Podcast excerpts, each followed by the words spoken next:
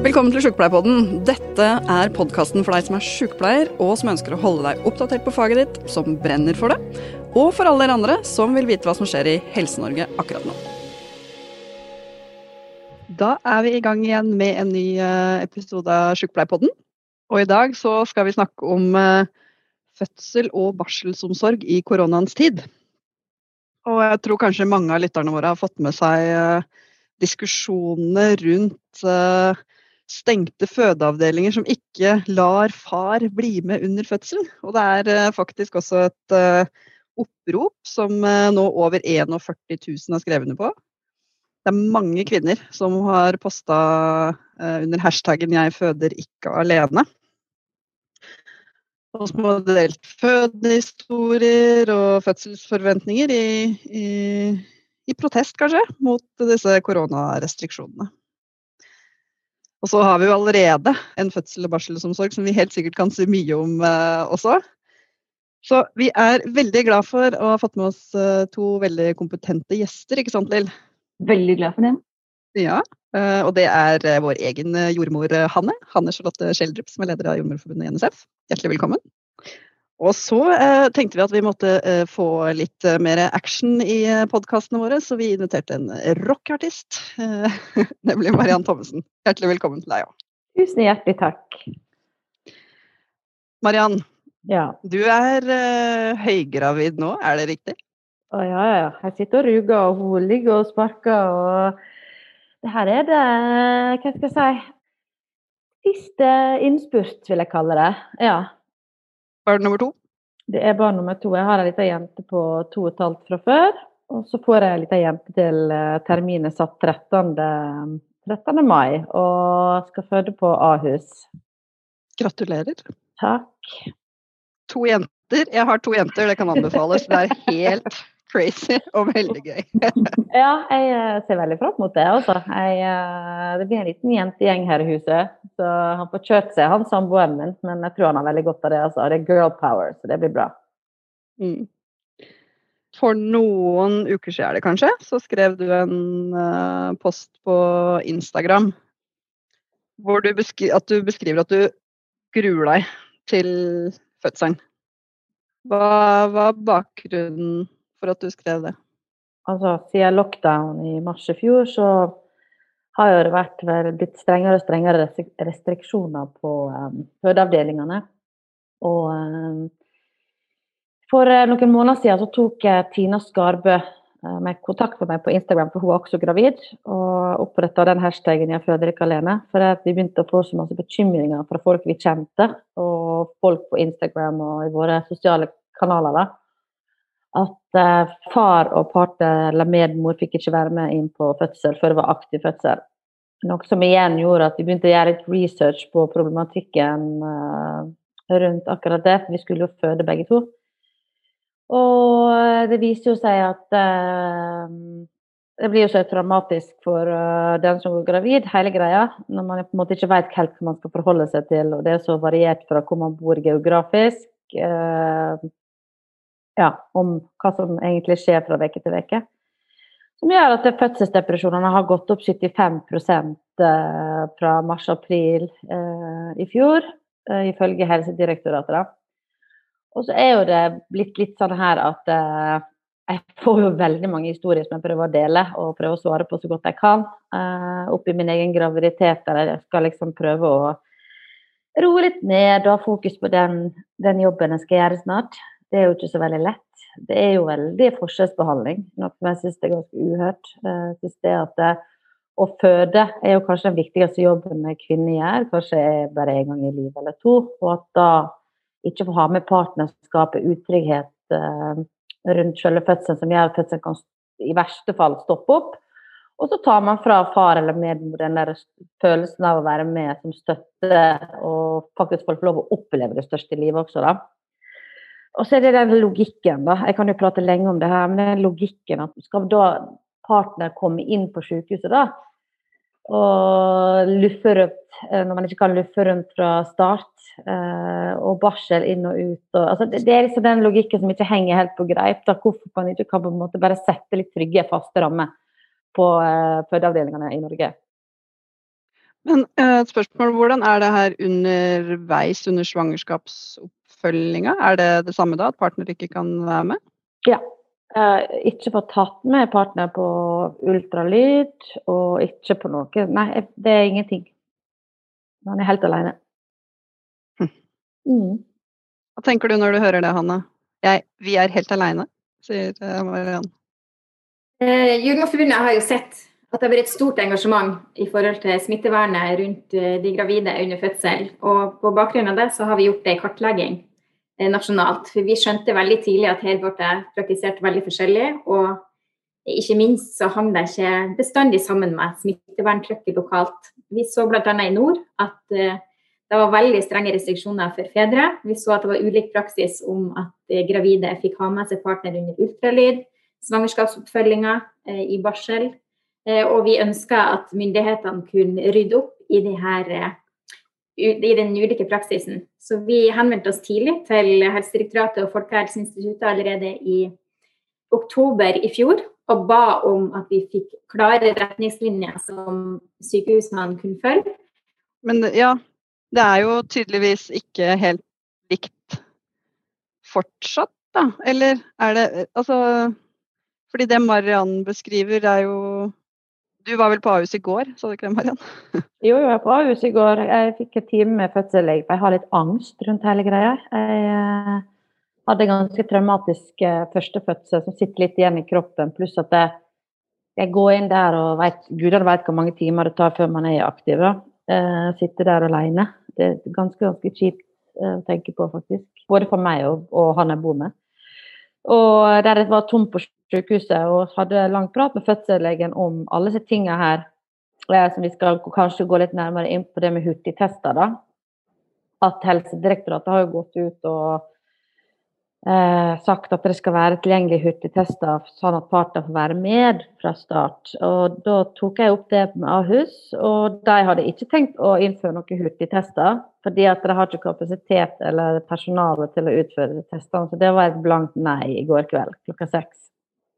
Ja, fordi vi har jo uh, Her har jo vi Jeg må bare si, jeg har sett dette litt fra utsida. Eh, det er vel uh, Hanne og Lill har kanskje vært i flere politikermøter om dette enn jeg har vært. Men jeg har forstått det som at hurtigtester nå skulle komme. Er du ikke, er du ikke enig i det, Lill? Vi har jo, vi jo, har jobba med det her, særlig Hanne selvfølgelig, men også vi som stor-NSF, hvis det går an å si det på den måten. For det er klart at det er et viktig altså fødsels- og barsels omsorg er jo en, en særdeles viktig tematikk. Og vi vet det har vært problemer altså før pandemien eh, også, med tanke på opprustning av fødsels- og barselomsorg. Og at det må gjøres noen ting nå med det akutte som er nå, men det må også rustes eh, opp i etterkant. Så det er liksom to tanker. Um, og vi har jobba for å nettopp altså Det er egentlig også en litt sånn vanskelig diskusjon, også blant jordmødrene, oppfatter han, for at det er en hashtag 'jeg føder ikke alene', og så får du en annen eh, hashtag som sier noe annet, at ja, men det er ingen som føder alene for at du har jordmor der. Men jeg tenker den diskusjonen er egentlig liksom Det er ingen som er uenig at du har ei jordmor la med deg, men det er ikke det det handler om i denne settinga. Alle sammen som er i fødsel, har eh, selvfølgelig krav på å ha jordmor. og Det er derfor vi er nødt til å ruste fødsels- og barselomsorgen også, sånn at du faktisk har jordmor til stede. Uansett i en vanlig situasjon òg. Men hashtag 'jeg føder ikke alene' handler jo om nettopp familien som skal stiftes uh, i lag. Og det som Marianne også beskriver om den, den, uroen og den angsten som du kan kjenne på som fødekvinne, som har mange ulike hendelser bak deg. Som du Marianne sier, du har en, eh, du har en traumatisk fødsel med deg fra, fra, forrige gang. Noen kan ha overgrepshistorie. Det kan være mange grunner til at det er viktig at man ikke føder alene, bare med en jordmor til stede. Selv om jordmor er bra. Innmari bra er jordmoren. Men man trenger den starten på en familie, og man trenger den tryggheten som er fra, fra den du velger å ha med deg på en fødsel. Og Derfor var det viktig for oss at vi fikk det hurtigtesta eh, som, eh, som, far eller partner, da, eller den du ønsker å ha med deg på, på fødselen, skal ha anledning til. Sånn, men da reduseres smittefaren, men samtidig gir mulighet til, til denne nye familien å stiftes uh, i lag, og den tryggheten for kvinner som, som skal føde. Og vi har jo egentlig fått feedback fra Bent Høie fra regjeringshold om at det, det skal gjøres. Og så hører jeg Mariann du sier motsatt likevel. Jeg har blitt kontakta av ganske mange. Og jeg ble kontakta av et eh, par førstegangsfødende som hadde ringt til Volda sykehus og etterlyst hurtigtest og var veldig positivt innstilt på at det her kom til å få lov å være med hele veien. Og fikk være blankt nei, at eh, det har ikke vi tenkt å innføre her. Ha det, liksom. Nesten litt sånn kaldt og ja, umenneskelig, syns jeg, da, rett og slett. Så der ble jeg veldig skuffa.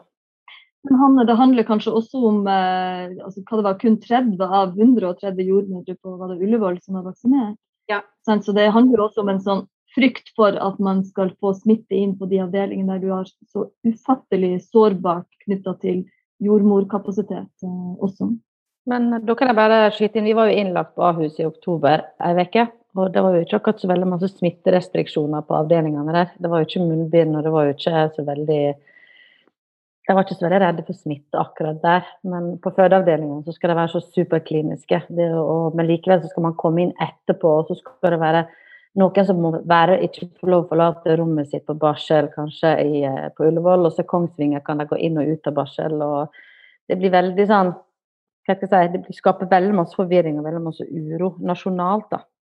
Vet dere, Jeg opplever det litt som en sånn her eh, Det er ikke bare det her om far eller med partner da skal være med på fødsel, men en sånn, eh, jeg får av og til en sånn opplevelse at fødsel er som et samlebånd.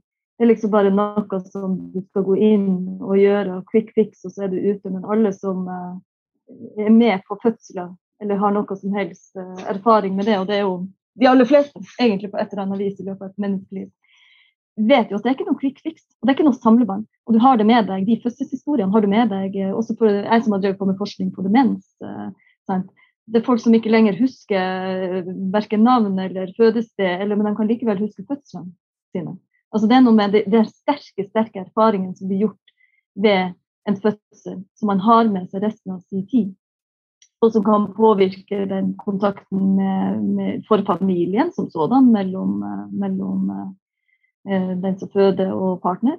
Men også den nære kontakten med barnet fra starten av. Vi har om fødselsdepresjon, ammeproblematikk. Altså det er så mange ting som kan vedvare. Det er ikke noe quick fix, det er ikke noe samlebarn. Det er ikke noe bare her skal bare kvinna komme inn her, og så skal hun bare føde, og så skal hun ut igjen, og så skal alt bare fungere. Og ja, vi er nødt til å være opptatt av smittevern og jordmor sin kapasitet, at vi unngår sykdom selvfølgelig og smitte på. Men vi må ha med oss den delen av at det er ikke samlebånd. Det er noen som skal gjøre det her. Det er det viktigste vi gjør. På Ahus sin nettside så står det at dere har 5000 fødsler i året. Det er 13 fødsler per dag. Så en koronatest tar ca. 4 minutter. Så da trenger jeg 52 minutter med en ressurs. Al altså under en time i snitt, da. Jeg syns kanskje unnskyldningen er ganske dårlig. Hvis, hvis politikerne vil ha tall, så kan vi godt gå inn og begynne å gi dem tall, liksom.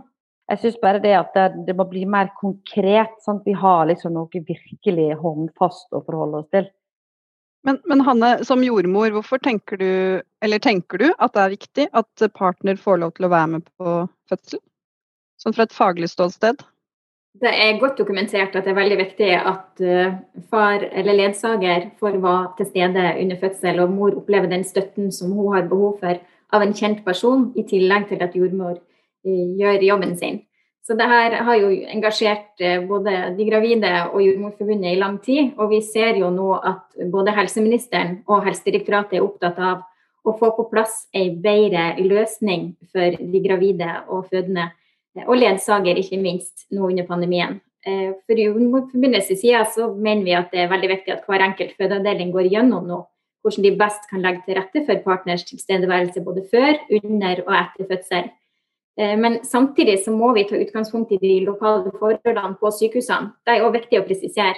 Smittetrykket lokalt har noe å si, eh, og de gjeldende smittevernreglene. For vi er sårbare, som så Lill er inne på. Det er, det er stor jordmormangel, og vi har opplevd nedstengte fødetilbud som òg en konsekvens som vi faktisk ikke kan eh, leve med. Eh, Stavanger har vært stengt ned en hel måned, den ene avdelinga pga. smitte. Og vi kan ikke erstattes vi jordmødre av annet personell, så vi er veldig sårbare. Derfor er det så viktig å få på plass hurtigtesting, sånn som Marianne er inne på, sånn at vi hindrer at vi får smitte inn på avdelingen. Eh, vi ser at Helsedirektoratet ikke går inn for at det skal smittetestes overalt. Det lokale smittetrykket eh, har, eh, spiller en rolle her. Og det er jo litt viktig å få fram òg. Men Jordmorforbundet har ment hele veien at vi mener at smittetesting burde gjennomføres overalt. Og det er fordi at fødetilbudet er så sårbart. Da var det allerede før pandemien. Og jordmormangelen er så stor at vi vi står i en skikkelig skvis nå i samfunnet, tenker vi. Pandemien har forsterka det her, og derfor er det viktig at vi, vi får det her til på en god og trygg måte, samtidig som vi ivaretar fødende og ledsager. Så det her er et tema som vi engasjerer oss veldig sterkt i. Ja, for bare så det er sagt, så 17.2 så sier Bent Høie da, at han ber sykehusene bruke hurtigtester som adgangskontroll, og vil ha tydeligere råd fra Helsedirektoratet. Og Hva har da Helsedirektoratet svart? Ja, Helsedirektoratet de har svart på det her. Eh, de sier at eh, de anbefaler bruk av hurtigtester i situasjoner der det er nødvendig for å sikre partners mulighet til deltakelse før, under og etter fødsel. Helsedirektoratet anbefaler òg systematisk bruk av hurtigtester partners smittestatus er suspekt eller uavklart, eller ved høy insidens ved lokale utbrudd. Eh, samtidig så anbefaler de ikke systematisk bruk av hurtigtester for testing av alle partnere, fordi at de mener at falske positive tester vil kunne gi tiltak med uheldige konsekvenser for partners deltakelse, og ikke minst tilgang på helsepersonell. Dette slår spesielt uheldig ut i områder med lite smitte, med direktoratet. Men, men, hva er det som da gjør, fordi her er det jo en ganske tydelig bestilling fra politisk hold. Man har svart ut tydelig ved å si at her skal vi i områder som f.eks. Ahus, da, hvor det definitivt er et område med høyt smittetrykk. De har bl.a. hele Groruddalen inne i sitt opptaksområde. Hva er det som gjør at da man svarer på den måten man gjør da, til kvinner som skal føde? Det undres jeg over. Er dette her en holdning som vi er, noen har vært innom knytta til dette med fødsel og barselsomsorg, som gjør at det ikke blir prioritert? Hva tenker du om det, Mariann, når du møter den, når du hører hva som er blitt sagt fra myndighetshold, kontra det du fikk beskjed om når du var på sjukehuset i går? Nei, altså For meg så lyser det bare at uh, vi kan, men vi, vi, vil ikke helt enda, på en måte. Uh, ja, jeg skjønner det med smittetrykket og alt mulig, men hva er forskjellen på om en sitter på, i en bil på parkeringsplassen og kommer inn på aktiv fødsel? Det fødselslegen min sa i går kveld, var at de vil ikke ha inn altså masse sånn gjennomstrømming av folk. Jeg forstår jeg, men vi er samme kohort. Vi bor sammen. Vi, også, vi, deler samme bakterier. Vi deler seng. Vi har barn. Vi har barn i barnehagen. Vi, eh, jeg føler at vi gjør en god dugnad også ellers, eh, sånn, i forhold til hvordan vi skal forholde oss eh, på retningslinjene utenfor fødsel- og barselstematikken også. Så jeg, jeg forstår ikke hvorfor liksom, man kan komme inn etterpå, og da er det greit. Det er liksom ja, og så fikk jeg også en historie i går fra, fra Ahus. Eh, da fikk partner være med fra start til slutt. Uten hurtigtest. Man skal vel liksom være heldig. Man skal liksom være så heldig for å få en god fødsel, og sånn skal ikke det være. Man skal liksom ikke liksom trekke vinnerloddet, liksom. Jeg syns at det, det, må være sånne her ting på plass som gjør at det, det blir bra for jordmødrene, det blir bra for oss som skal føde, og det blir bra for partneren. Liksom. Det er derfor jeg eh, vil ha hurtigtester, mm. sånn at man har noe konkret å forholde seg til. Mm. Hanne? Ja, eh, vi har jo vært opptatt av at vi skal ha klare regler og basert på smittetrykket lokalt. Eh, så vi har jo foreslått et type sånn grønn, gult og rødt system for sykehusene og fødeavdelingen, sånn at vi kan ha klare regler på når partner skal få lov å være med i svangerskapet, eh, under ultralydundersøkelse og under fødsel og barsel. Dette har ikke myndighetene eh, tatt til etterretning. Det syns vi er veldig synd, for vi tenker at det gir klare råd til de gravide og ledsagerne, sånn at de kan forholde seg til sånn som det blir under fødsel. Og ikke minst at eh, de smittevernreglene er logisk, faglig fundert og bra nok for fødselsomsorgen under pandemien. Så dette er noe vi ønsker oss og syns eh, myndighetene skulle eh, ta i bruk, sånn som de gjør i skoleverket og i andre deler av samfunnet. Mm. Lille, hva tror du er grunnen til at det er så store helsefaglige avvik i vurderingene på et tema som det her? Altså at uh, Ahus og myndighetene kan si så ulike ting? Ser begrunnelse som er fra, fra RHF-ene og fra de ulike sykehusene, går ofte på at de ikke har eh, ressurser, enten i form av personell, men, eh, men fleste her som jeg tar en rask Google-søk, så kommer det i alle fall opp på at de ikke har hurtigtester nok. Og Da sier eh, Bent Høie at da må de melde det inn til, til Helsedirektoratet hvis det er sånn at de ikke har hurtigtester, så får flere hurtigtester.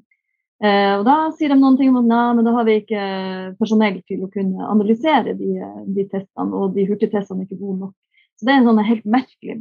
Siste jeg ser her er fra i mars, her, eh, så står det at um, høye helseministre innkaller helseregionene til et møte for å gå gjennom status og rutiner for partners tilstedeværelse ved alle sykehusene. Og han er veldig tydelig på at han vil sikre at rutinene ikke er strengere enn nødvendig, og at målet er at partene kan være med før, under og etter fødsel, så langt som det er smittevernfaglig forsvarlig. Og Det er jo veldig på linje med det som, eh, som jeg og du han har sagt om til noen, at det må være likt. Og som Marianne er veldig tydelig på her nå, det skal ikke være et vinnertall, det skal ikke være flaks. Det skal, være, det skal være likt, og at det er tydelige retningslinjer for hvem er det som faktisk beslutter eh, om det her er mulig knytta til smittevernfaglig ting, før, under og etter fødselen. Da er jo det spennende spørsmålet hva skjer videre? Det er jo det vi alle lurer på. Hvor lang tid sa du hadde igjen? Gud, jeg kan ikke når som helst. Nei, altså, jeg er uke 34. Så jeg har termin 13. mai, men uh, ja. You never know. Det er jo det, da. Jeg sa jo til fødselslegen min i går at jeg kom til å føde på utsida på et pledd ut på, ut på uh, gresset der, liksom. Jeg går jo ikke inn uten uh, samboeren min, liksom. Det skjer ikke. Så hun ble jo litt sånn uh, OK. Hun ble ikke stressa, da, men hun bare hun skjønte jo det at, ja, at det ikke var greit. Vil du si noen ting om hvorfor det, hvorfor det betyr mye for deg? Ja, det betyr veldig masse for meg i forhold til den tryggheten. For at det, som sagt, det var traumatisk sist. Uh, ja, man blir veldig følsom når man er gravid. Og man har jo på en måte Hva skal jeg si Jeg har tiltro til jordmødre, men det er jo et fremmed menneske for meg allikevel det er et menneske du hilser på når du kommer inn og skal være med på noe som på en måte er liv og død, egentlig, eh, for mor og barn. Og det der er på en måte den støtten som partneren opplever i fødselen også, da, for å være til stede og hjelpe deg. Og gi deg kjærlighet. Kjærlighet er jo smertelindring eh, ved fødsel også. Og skape trygghet som gjør at du kan konsentrere deg og slappe av i din egen kropp når kroppen kommer med så her kraftige mm, si, overjordiske riene da, som vi skal gjennom. Det er jo liksom Jeg vet ikke, jeg kjenner jeg blir nesten litt sånn stiv i kroppen bare skjønner at jeg skal være, være der alene. Det er liksom Det er bare dyr som føder alene, ikke mennesker. I gamle dager så hadde man hele slekta rundt senga si når man fødte. Altså, Hadde ikke jeg endt opp i keisersnitt sist, for det var jo traumatisk, så hadde jo jeg villet født hjemme med en doula f.eks. Men nå har de kontakta faktisk en del jordmødre, og de blir jo fratatt lisensen sin hvis de er hjemme hos meg. Så det går jo ikke, dessverre. Eh, alle vi som er her i dag har jo født barn, så vi har jo erfaringer med det alle sammen. Jeg tenker fra mine egne fødsler, så jeg husker ikke jordmor i det hele tatt. Den jeg husker ansiktet på fra fødselen, er Andreas, mannen min. Altså, og det så noen som skrev på Instagram i dag, og det syns jeg var så fint, at er veldig takknemlig for jordmor, at jordmor er der, men jordmor elsker meg ikke. Mm. Ikke sant? Det, og det er, det, det er, så fint det du sier, eh, Marianne, om at liksom kjærlighet er jo smertelindrende, eller det er liksom styrke i, da. Så de som er så heldige, selvfølgelig, at de har en partner å ha med seg som kan bidra med den uh, kjærligheten. Det er jo Ja. Det er jo så viktig. Og, jeg, og det er et sånt minne jeg har fra fra jeg var uh, sykepleierstudent, og da hadde jeg lyst til å bli jordmor og hadde en praksis på føde på Rikshospitalet. Jeg var en av de, Da var jeg andreårsstudent på sykepleien. Så var jeg med inn på en ultralyd til en dame da, som skulle få tvillinger. Hun kom alene til den ultralyden. Og så ser jo jordmor ganske raskt at det er noe feil. Og, eh, og etter det så tenkte jeg at jeg skal aldri gå alene i møte med på en ultralyd eller i møte med jordmor. Jeg skal alltid ha med meg Andreas. For jeg måtte stå i liksom den Stå i det helt alene og måtte vente til den støtten skal komme. Da. Og det, så jeg, jeg skjønner det så godt at de som nå skal føde midt i en pandemi, er usikre i, i det de uh, møter. Ja. Ja, for det har jo litt med kjemi å gjøre også, da. Det er jo liksom eh, Jeg hadde jo, tror jeg hadde tre eller fire jordmødre som kom liksom litt innom, for det tok jo så lang tid med første gangen. Og ja, det er litt mm, Ja, jeg husker ikke det så veldig godt, sånn sett. Uh, nei, jeg gjør ikke det. Og, så har ikke jeg lyst til å jeg synes bare, Hvorfor skal vi frarøve deg den, hva skal jeg si, den opplevelsen? Altså, Vi er ikke på 50-tallet der du fikk se ungen gjennom en sånn vindu. Altså jeg føler vi går liksom langt tilbake og ikke fram. Og det har jo også med det der barselsproblematikken i Norge i dag, da, om eh, hva skjer etterpå når man har født barn. Eh, ikke er det nesten plass for oss å føde på sykehusene, for det tar jo vekk fødetilbudet. Det er lengre reisevei for de som bor på bygda. Eh, noe som kan bare få veldig veldig fatale konsekvenser. Eh, jeg er jo fra bygda sjøl, så jeg vet jo hvor lang tid det tar å kjøre til et sykehus. Det tar jo to-tre timer, liksom. Og det veier ned fra 1925, liksom. Eh, det kan gå ras på vinteren. Det er liksom de, de lager barselshoteller små. og De, de, tilrettelegger ikke på den måten de burde i et moderne samfunn. Hvis de vil vi skal føde flere barn, så må de ta seg sammen, politikerne, og ta grep og rett og slett prioritere kvinnehelsa. Liksom. For at eh, jeg snakka med fødselslegen i går om den seksvekerskontrollen etter fødsel. Nei, det var frivillig, det var ikke noe de eh, kom til å ta tak i. Eller ja, bekkensjekken, da, hva med det? Sjekke stinga, hva med å få ta ultralyd når man har tatt keisersnitt for å sjekke arret, hvordan det har grodd på innsida. Nei, det var opp til deg sjøl, og det var alltid bare opp til deg sjøl. Altså, du sitter kanskje i en spesiell situasjon da, når man har født barn, alle fødsler er forskjellige. Og man kan slite med amming, det kan være andre ting som er utfordrende. Så skal man liksom fikse og styre med alt mulig sjøl. Det er mange ting som burde være sånn, en sånn liste som var fast. Check, check, check, check, check. Dette skjer etter du har født barn, og det skal alle få, eh, få oppfølging på. Ja, Marianne er inne på veldig viktige ting her, bl.a. at det er blitt kutta mye i fødselsomsorgen i løpet av de siste tiårene. Og det handler egentlig om den finansieringa som sykehusene har, gjør at fødetilbudene blir nedprioritert, og det er veldig uheldig. I tillegg så er det, eh, som du er inne på, lagt ned veldig mange fødetilbud, og 90% før nå på de største fødeklinikkene. Og der har jordmødrene desidert travlest. Og jeg har vært med på å føde barn på store fødeklinikker og følt meg veldig alene. Jeg hadde med meg partner, men jeg hadde ikke jordmor. Og det gjorde at jeg, før helt til jeg skulle presse ut barnet sjøl, og jeg kjente meg veldig utrygg, og jeg syns ikke det var en OK situasjon. Og det er jo noe vi har kartlagt og brukt tid på i Jordmorforbundet, og fått fram de reelle konsekvensene av at jeg kutta i fødetilbudene. Eh, og ikke minst i bemanninga for, eh, for eh, fødende. Sånn at det er kjempeviktig at vi får på plass nok jordmødre ansatt på fødeavdelingen, sånn at vi ivaretar kvinner som skal føde, at alle får én-til-én-omsorg. Det er kjempeviktig for å både skape den tryggheten og den gode dynamikken inne på ei fødestue som man kan oppleve når man har tid, man har ressurser til å ivareta både ledsager og den fødende på en trygg og forsvarlig måte. Eh, så her er det veldig viktige momenter vi er inne på. Og jeg syns det er flott at kvinner gjør opprør. De finner seg ikke i at det kuttes i et livsviktig tilbud som Lill òg er inne på, som setter Altså, det her sitter i oss for resten av livet. En god start på familielivet er kjempeviktig. En god fødsel er kjempeviktig for kvinners psykiske helse. Så det her er et tema som vi jordmødrene brenner for. Vi ønsker å gi et godt og trygt fødetilbud, og vi ønsker å ha ressurser nok og jordmødre nok i alle deler av tjenesten så vi får på plass de her undersøkelsene i etterkant av fødsler, for det her kan jordmødrene, men det er ikke nok av oss. Så kvinner som har eh, tilgang til jordmor, de går til jordmødre òg i denne her eh, etterkontrollen og er fornøyd med den oppfølginga de får. Fordi at jordmødre er ekspert på kvinnehelse, og kvinner skal ha et tilgjengelig jordmortilbud. Det er mye det det handler om. Lill, hvorfor tror du at ja, si det er eh, sant, da. Det er ikke sikkert alle er enig i premisset at kvinnehelse blir nedprioritert, men si det er sånn. Hvorfor tror du det er sånn? Det finnes forskning på at kvinnehelse er nedprioritert. Ikke bare denne, denne type kvinnehelse, men enhver type kvinnehelse. med tanke på med forskning med medikamenter. og mm. Maren er jo gjerne med en mann 40 år. Og det er klart, mann 40 år føder ikke barn.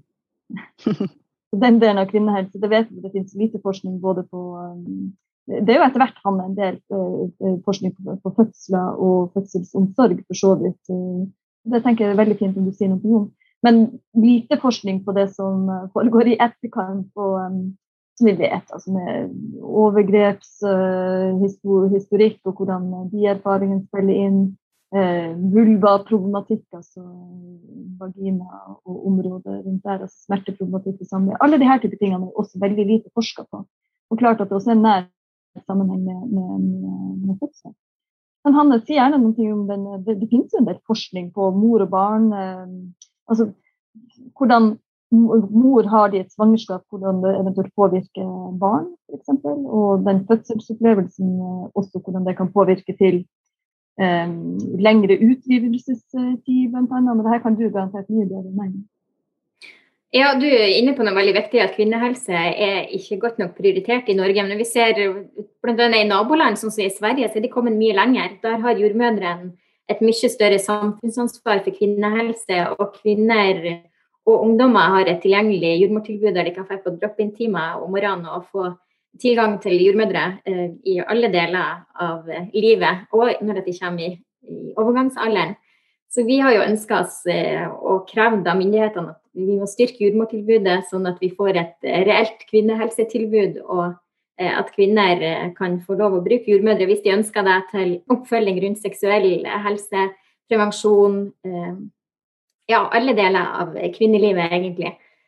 Sånn at det er kjempeviktig at vi blir en mer tilgjengelig ressurs. Vi har jo 55 000 fødende til enhver tid Eh, årlig i Norge. Eh, men samtidig så har vi 500 jordmødre ansatt i kommunene som skal ivareta eh, gravide og kvinner. sånn at dette tilbudet er jo altfor dårlig, dessverre.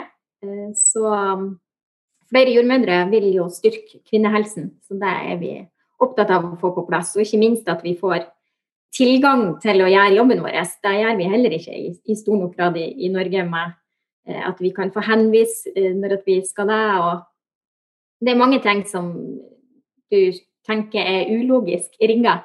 Eh, og at kvinner må ha dobbelttime for å få en henvisning. Hvis vi finner et funn i, under en celleprøve f.eks., så taper jo kvinnen viktig tid. Hvis vi finner noe som er alvorlig, eh, må må ha fastlegen og så videre til spesialisthelsetjenesten. Så her syns vi at myndighetene kan rydde opp. Få det her på plass på en bedre måte. Nå blir det jo et kvinnehelseutvalg, da. Ja. Det er veldig bra. Det syns vi er kjempeviktig. Vi savner jo selvfølgelig jordmødre der, og det har vi jo gitt beskjed om, Herregud. som er ekspert på kvinnehelse. Jeg er så lei av at eh, mannfolk skal bestemme over kroppene våre. Så jeg må bare si det, liksom. Altså, vi hadde jo ikke hatt denne debatten her hvis menn fødte barn, liksom. Det er jo så enkelt, det er jo det bare. Vi damer har et ansvar sjøl, faktisk. og faktisk eh, ta denne kampen seriøst og uh, stå sammen, heie litt på hverandre. For det er vi ganske dårlige på, syns jeg. Og en annen ting i forhold til få jordmødre, det er ganske høyt snitt for å bli jordmor. da.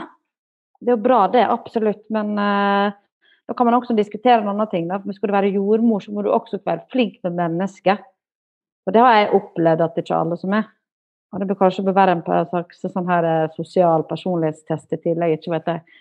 Men uh, helt enig, flere jordmødre må uh, Det må være større studietilbud og flere som kan få studere det yrket der, uh, for det er veldig viktig.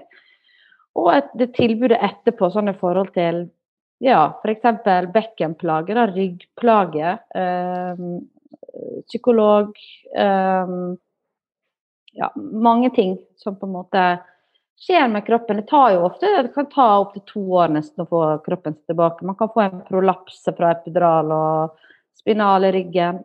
Mange ting som kan på en måte påvirke hele kroppen. Og så sitter man der med et nyfødt barn kanskje første gangen. og det, det, er mange ting, og Man får ikke besøk. Det er ikke alle som får hjemmebesøk heller.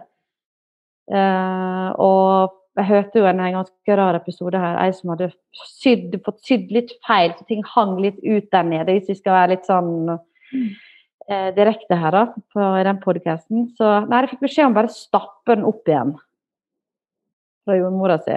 Og da ble jeg litt sånn eh, OK. Skal den dingsen bare henge ut og drive og stappe den oppi, liksom? Skal man liksom ikke gjøre noe mer enn det? Ting, ting kan være ubehagelig over lang tid. og Sånne ting skaper jo bare veldig sånn traumer på at man ikke vil ha flere barn heller, da. Mm. Vil du uh, vinke med fingeren? Ja, men det er litt det jeg mener med et sånt samlebånd. Sånn det blir så strukturelt. Um, altså Hvis man ser på det strukturelt overordnet, så kan, kan det synliggjøres som en sånn type samlebånd. Um, der det ikke blir tatt høyde for uh, at det er kvinner som føder barn. Det er kvinner som uh, ammer barn. Kvinner som dermed kommer til å ha en kropp som skal gå seg uh, til igjen, som kan ta mange uker og måneder i etterkant av en uh, fødsel. Og Det handler jo også om den tredelinga av uh, foreldrepermisjon som jeg ikke tror vi skal gå inn på. Men vi kommer ikke utenom uansett at det er kvinner. altså Vi har en biologi i det her. Under en hel graviditet, under fødselen og i etterkant uh, av en, en, fødsel. Og Det har betydning på helt strukturert nivå når man da tenker på hvor sykehusene legges hen, ut ifra avstand. Det er som du sier, Marianne, det er kun dyr som føder alene. Eh, og vi prøver å unngå at vi sender av gårde dyr som skal uh, føde i, i, en bil. Og Det er jo det vi tenker med en ambulanse. Du skal ikke liksom ha fire timer med ambulanse med fødende kvinner. Det er ikke bra, det heller. Og så er det at Når det ikke blir satsa på kvinnehelse, verken på forskning, så får du kanskje ikke fram alle de her erfaringene eh, og som kan måles, og som dermed får betydning eh, når penger skal eh, deles ut for den betydninga for kvinner, men for barn og for familie, når du ikke har en satsing på det. Eh, og det samme så kan du da kutte og kutte og kutte, sånn som det skjedde gjennom årevis på jordmortjeneste, som da står igjen med det mekaniske, med at selve fødselen skal foregå. Og dermed så tenker jeg at jordmora òg da kan bli oppfatta som mekanisk. Mens egentlig så har du da kanskje fem kvinner i aktiv fødsel du skal følge opp, eller du har et ansvar for innmari mange ting, sånn at det blir det mekaniske som står igjen. Dessverre. Og det vet vi jo, det vet jeg jo han eh, vi har prata en del om også. Det er ingen jordmødre som ønsker å jobbe på den måten. Det er helt forferdelig, og da slutter de som jordmødre i tillegg. De orker ikke å stå i den belastninga heller. Mm. Hva tenker du om det, Hanne? Ja, jeg tenker Du er inne på noe veldig vesentlig. og Vi har jo vært opptatt jordmødrene i Jordmorforbundet av å dokumentere de faktiske forholdene. Og Helt ifra jeg var jordmorstudent, så kjente jeg jo på at vi jobba under forhold som ikke jeg kunne forsvare, og tenkte at eh, jeg hadde en natt ansvar for sju fødende samtidig som jordmorstudent. og En var tvillingfødsel, en var for tidlig fødsel, det var dårlige fosterlyder. Jeg sprang der ut og inn og jeg tenkte at det her kan jeg ikke være en del av fremover. Vi er nødt til å gjøre noe med det. Og eh, det var relativt nytt at vi dokumenterte så grundig hvordan fødetilbudene var på alle nivå. Eh, på et stort sykehus, på et mellomstort fødetilbud og på mindre fødeavdelinger. Og vi ser helt tydelig at de nedleggelsene vi har på fødetilbud rundt omkring ikke er kompensert på de større sykehusene med nok eh, ressurser og bemanning, sånn at vi kommer i en skikkelig skvis. 90 eh, av jordmødrene sier at de ikke greier én-til-én-oppfølging under fødsel, eh, som er det viktigste kvalitetskravet for en trygg fødsel. Så her er det alvorlige funn, og vi tenker at vi har lav mødre- og barnedødelighet i Norge, og det er vi veldig stolte av. Vi har høyt utdanna jordmødre som gjør sitt ytterste når de er på arbeid for at vi skal kunne ivareta fødende og, og de nyfødte. Men samtidig eh, så er det en del som er forsvunnet på veien, som vi hadde før. Vi hadde barseloppfølging som var mye bedre, mye tryggere og mer tilgjengelig for fødende. Nå er det kort liggetid. I gjennomsnitt så ligger kvinner under tre døgn på fødeavdelingen etter de har født. De kommer ut til et barseltilbud som er helt eh, nesten ikke-eksisterende rundt omkring. Eh, og har en sånn gap i oppfølginga på kanskje 14 dager før de får hjelp i den mest sårbare fasen i livet sitt. Som er sårbar både for den nyfødte og for mor og for, eh, for partner. Eh, vi har tilfeller nå av alvorlig gulsot som vi ikke hadde tidligere, når kvinner fikk ligge lenger på barselavdelingen. Så det er mange hysj, Hanne, hvis ikke Marianne har vært redd fra før, så blir hun det virkelig nå. Jeg får bare flashback jeg for første gangen. Bare. Mm. Ja, det er veldig ja. viktig at vi får gjort jobben vår på en god måte. Og eh, vi vil oppfordre kvinner til å si ifra når de ikke får den oppfølginga som de trenger og har behov for. Og det ser vi flere og flere kvinner som gjør. Det er et stort press på å styrke fødetilbud og barseltilbud rundt omkring. og det eh, tar òg politikerne på større alvor når at trykket blir stort. Sånn at vi syns jo det er kjempebra at eh, kvinner eh, stiller seg i ryggen på jordmødrene og resten av eh, samfunnet og krever bedre forhold. For det her går det an å rydde opp i. Det handler om penger, vilje og ressurser. Men er det ikke et paradoks uh, at uh, den barsels, fødsels- og barselsomsorgen vi nå snakker om, så nå, har nå statsministeren sagt uh, flere anledninger de siste par åra at vi må føde flere barn. Fordi at uh, fødselstallene er så lave at nå uh, må vi føde flere barn. Og helst må kvinner få tre barn eller flere. Er ikke det et paradoks? Jo, det henger jo ikke sammen med at man ikke styrker fødetilbudene rundt omkring. Og vi ser jo at kvinner som, distrikt, som bor i distriktene, var jo de som eh, naturlig nok fødte flest barn, for kanskje forholdene rundt de la bedre til rette for en liten barneflokk. Men nå har kvinner i distriktene fått enda lengre reisevei til fødetilbudene. Og det er ikke sikkert at de rett og slett er villige til å ta sjansen på en fødsel i ambulanse eller på veien. For det vet vi er mer risiko forbundet med. Og det er jo veldig viktig forskning som gjøres på det feltet, Hilde Engjom, som viser helt tydelig at reisevei på mer enn en time, det får konsekvenser i forhold til økt dødelighet for mor og barn. Så det her er viktige samfunnsspørsmål som jeg tenker vi skal eh, diskutere høylytt. Eh, og vi skal kreve vår rett for å ha en trygg fødsel òg i Norge. Det er jo sånn at Vi har færre fødetilbud i Norge enn det Verdens helseorganisasjon anbefaler at vi skal ha, basert på eh, antall fødesteder og geografi eh, og avstander. Eh, og Det passerte vi allerede i 2009. og Siden den tid så er det lagt ned flere fødetilbud. Eh, og nå står vi i prosess på Innlandet og andre plasser der det skal legges ned enda flere eh, fødeavdelinger. Så det her er jo Altså, vi har nådd en grense eh, som er alvorlig, og jeg mener jo at vi skal bevare de få fødetilbudene vi har igjen i Norge. Det er kjempeviktig. Bevare var litt snilt. Jeg syns de skal eh, Vi må ha flere fødeavdelinger. Vi må det hvis det skal bli flere barn. Altså det blir ikke flere barn. Og vi har lav dødelighet, ja det har vi. For at dere er kjempeflinke. Vi, ja, jordmødre er viktig. Men hvis du ser på andre land, så der, der har de eksplosjon av barnefødsler. Da blir jo tallet på barnedødelighet også større. Og de har dårligere sanitetsforhold enn det vi har i Vesten. Men eh, sånn i forhold til oppfølging i uh, før fødsel så er Norge ganske dårlig i forhold til ultralyder. Vi, får, vi er kanskje det landet i Europa der vi blir tilbudt minst ultralyder. Og vi har veldig dårlig forskning på fosterdiagnostikk. Eh, Sverige ligger foran i forhold til eh, NIPT-test. Jeg fikk avslag to ganger da, på NIPT-testen. Den blodprøven man tar for å sjekke eventuelle feil med fosteret. Nå fikk jeg avslag på to ganger. Eh, og så er det pandemi, så jeg kunne ikke reise til Sverige heller. Men det er jo ikke sånn det skal være. Jeg mener at det er god forskning som viser gode resultat, bør jo Norge kanskje være litt mer åpne for å teste også. Mm. Hanne? Ja, jeg vil eh, tilføye noe til det Mariann er inne på. Eh, vi har et veldig godt fostermedisinsk eh, miljø som ligger langt framme i verden i Norge. Men det du tenker på, som jeg tror du er opptatt av, er at vi skal ha tilgjengelige NIPT-tester og andre ting som du har ellers i Norden. Men eh, den forskninga og den oppfølginga som vi har på ultralyd, den er sjelden i Norge.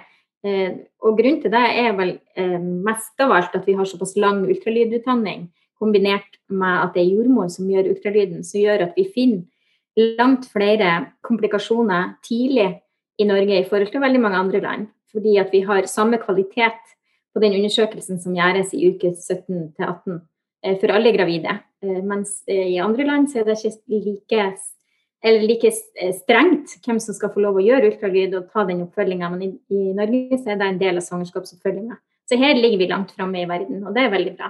I Spania får de en gang i måneden fra de er gravide og til de nesten føder. Og jeg tror ikke det er hvem som helst som utfører noe ultralyd der. Jeg snakker med litt forskjellige folk. og Eh, når man er over 40 år, så har man kanskje lyst på litt bedre oppfølging i forhold til at livmora er litt eldre enn kanskje en 20-åring. Eh, og jeg sier ikke at jeg er mindre fertil av den grunn.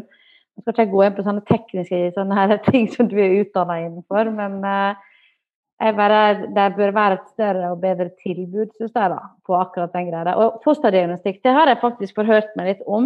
Norge er ganske, ikke så veldig, ligger ikke langt fram på fosterdiagnostikkforskning. Det er fem kun i Norge som har driver og forsker på det.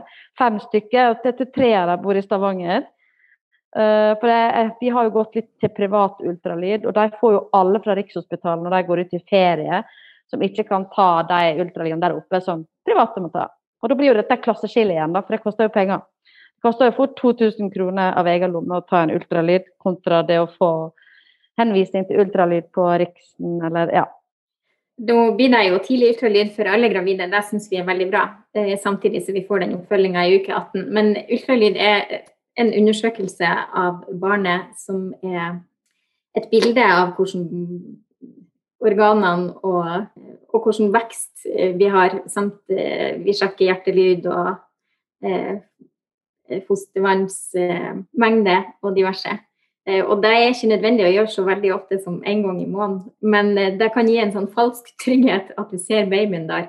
Men vi vet jo faktisk at det, det er ikke gunstig for et barn å bli undersøkt såpass mange ganger. Da kan kan du faktisk bli venstrehendt fordi at du får så mye stråling på, på barnet. Men en god svangerskapsoppfølging er så mye, mye mer. Men i kombinasjon med eh, vanlige svangerskapskontroller og ultralyd, så mener, at, så mener, jeg at vi har en veldig god svangerskapsoppfølging her i Norge. Og det viser jo òg de resultatene vi har innenfor mødredødelighet og barnedødelighet. Så det skal vi være stolte av. Uh, og vi kan se til andre land i forhold til hvordan de organiserer seg, men vi ligger fremst i verden og fremst i Europa i forhold til mødre- og barnedødelighet. Så det er positivt. Jeg tenker òg at eh, det som er viktig, er å stimulere folk til å få flere barn. og Det ser vi en del land i Europa tenker litt kreativt i forhold til. og Det gjelder jo både i forhold til inntekt eh, og I Norge så vil det jo ikke lønne seg for de som studerer å få barn. Kanskje vi skal legge bedre til rette for de som er, som er veldig fruktbare, at de kan få barn i Norge uten at de taper veldig mye penger og faktisk ikke har råd til å få barn. Vi begynner kanskje litt seint. Da er fruktbarheten vår lavere når vi er i studietida. Så her er det mange forhold vi kan komme inn på som er veldig viktige for å stimulere til at vi får flere barn. Lill, nå har vi hørt uh, Mariann fortelle at det fortsatt ikke er hurtigtester. Hva gjør vi nå? Fordi nå tenkte jeg litt sånn, her, vi, her har vi trodd at vi fikk et gjennomslag som kanskje ikke helt i realiteten uh, er et gjennomslag. Hvordan, hva gjør vi nå? 13. mai, vi har dårlig tid. Hun skal snart føde, dame. Ja. Nei, jeg satt og tenkte på det også. At, uh, men jeg vet ikke hvor mye mer det hjelper at uh, Silje Nausvik og Lill Sverresdatter og Hanne Charlotte Skjellerup sier noe når ikke Bent Høie engang høres. Så Bent Høie har gitt tydelige signaler, men det, det, det når ikke ut. Så um, jeg tenker vi må følge opp med hva som har skjedd i etterkant av det møtet som Bent, eh, helseminister Bent Høie har hatt med, med, med RHF-ene. Og uh, følge opp hvor mange signaler er det de får tilbake til Helsedirektoratet på manglende hurtigtester. Og hvis de ikke mangler hurtigtester, altså ingen signaler om uh, manglende testkapasitet, så burde det jo ikke være noen verdens ting i veien. Og da trenger vi de her signalene da, i selvfølgelig fra Marianne og andre som skal føde, som får beskjed om at de ikke får lov til å, eller får muligheten til å ha med, med partner. Og så må vi um, slå det skikkelig opp, for det er ikke greit. Det er ikke sånn det skal være. Jeg bare satt og tenkte på mens dere prata om at det er en sånn historisk linje i det her også. Eh, fra, altså Hvorfor var det jordmødre i utgangspunktet ble utdanna? Hvorfor var det behov for å få utdanna langt flere jordmødre? Jo, det var jo selvfølgelig for å få ned barnedødeligheten, og det skal være kompetanse uansett hvor hen du bodde hen eh, i eh, hele det her landstrakte landet vårt. Og så har det jo gått en sånn retning eh, til fra, som, som Marianne var på, inne på den, at før så fikk du far se barnet sitt gjennom et vindu. Men før i gamle dager så var det sånn, de kom hjem, altså familie, venner og alle rundt deg kom hjem til det med mat, sånn at skulle, mora skulle få lov å slappe av i etterkant og ligge, ligge på eh, barselseng. Dessverre så døde de da på barselseng av bakterier, selvfølgelig, men også av blodpropp, for at det ble ganske mye ro. Og far skulle ikke være til stede i det hele tatt. Og så har det gått gradvis mer over til det her mor-barn-vennlige sykehuset, der mor egentlig skal gjøre det meste selv. Når fødselen er gjennomført, så er det liksom mors ansvar, og mor skal bli vant til barnet sitt og til amming osv. Og, så og kanskje har det gått litt for langt. Og Det er det jeg mener, det er liksom samlebånd fra den her som egentlig var ment fra starten av med en kompetanse ut til mor, uansett hvor mor var hen i eh, landet, men med hjelp til mor eh, en god sak, til det her samlebåndspreget her som er bærer preg av effektivitet. Og der har egentlig ikke far noen rolle. Far har ingen rolle, eller partner har ingen rolle på et samlebånd. Og da er det mm, da blir det denne diskusjonen om er det kvinner som føder, eller er det en fødeperson. Altså. vi må bort fra samlebånd, og dermed må vi få frem de historiene om hva, hvordan betydning har det faktisk. Reelt sett, hvordan betydning har det at partner er med på, med på fødsel? Hvordan betydning har det for barnet, for den starten, for mors helse i flere år? Kan vi klare å vise en samfunnsøkonomisk uh, gevinst uh, på det, i tillegg til den helt klart uh, gevinsten for, for en start i en familie? Og kanskje må vi inn mer på, mer på den biten. At Marianne, du er nødt til å beskrive i Marianne og flere andre er nødt til å beskrive hva betyr det reelt sett for dere. Hvorfor er det viktig for dere å ha med, med partner, sånn som du allerede har gjort noe Sånn at vi eh, får backa opp jordmødrene i sin kamp for en eh, sterkere fødselsomsorg. Og så skal vi pushe på der vi klarer for å få hurtigtestene på plass, sånn at partner kan være med. Før 13. mai. ja takk. Mm. Ja takk. Vi må begynne å, vi må begynne å avslutte. Uh, men uh, tusen takk for at dere tok uh, dere tid til å være med på Sykepleierpodden. Veldig lykke til, Mariann. Jeg Håper at partner får være med både før, under og etter. At det blir en mye bedre fødselsopplevelse enn sist. Ja, vi får kjøpe en hurtigtest sjøl, da. Og så får vi ta den med, så vi se hva Ahus sier, mm. hvis det er det som skal til. Men vi håper jo at det, det blir likt for alle, og at det, eh, blir et tilbud som eh, trer i kraft ganske snart. Det krysser jeg hele kroppen, og hun inni magen gjør sånn. Krysser fingrene hun også, for at uh, alle skal få lik oppfølging på den biten der, og at partner får være med fra start til slutt. Og at vi ikke blir kasta ut av sykehuset med en gang, men vi blir tatt godt vare på vi heier inderlig eh, fram mot 13. Eh, mai og det som skal skje der, og eh, eventuelt i forkant og i etterkant av det. Og så skal vi, Hanne og Silje, gjøre vårt ytterste for å få til partene på fødselen. Masse lykke til, og det her blir veldig bra, håper jeg. Og vi har fått mye tilbakemeldinger også fra gravide som har født under pandemien, der de har vært veldig fornøyd. Det vil jeg gjerne understreke helt til slutt. Så jeg ønsker deg masse lykke til, Mariann. Tusen takk, Hanne. Takk. Setter stor pris på det. Tusen takk for eh, deltakelsen.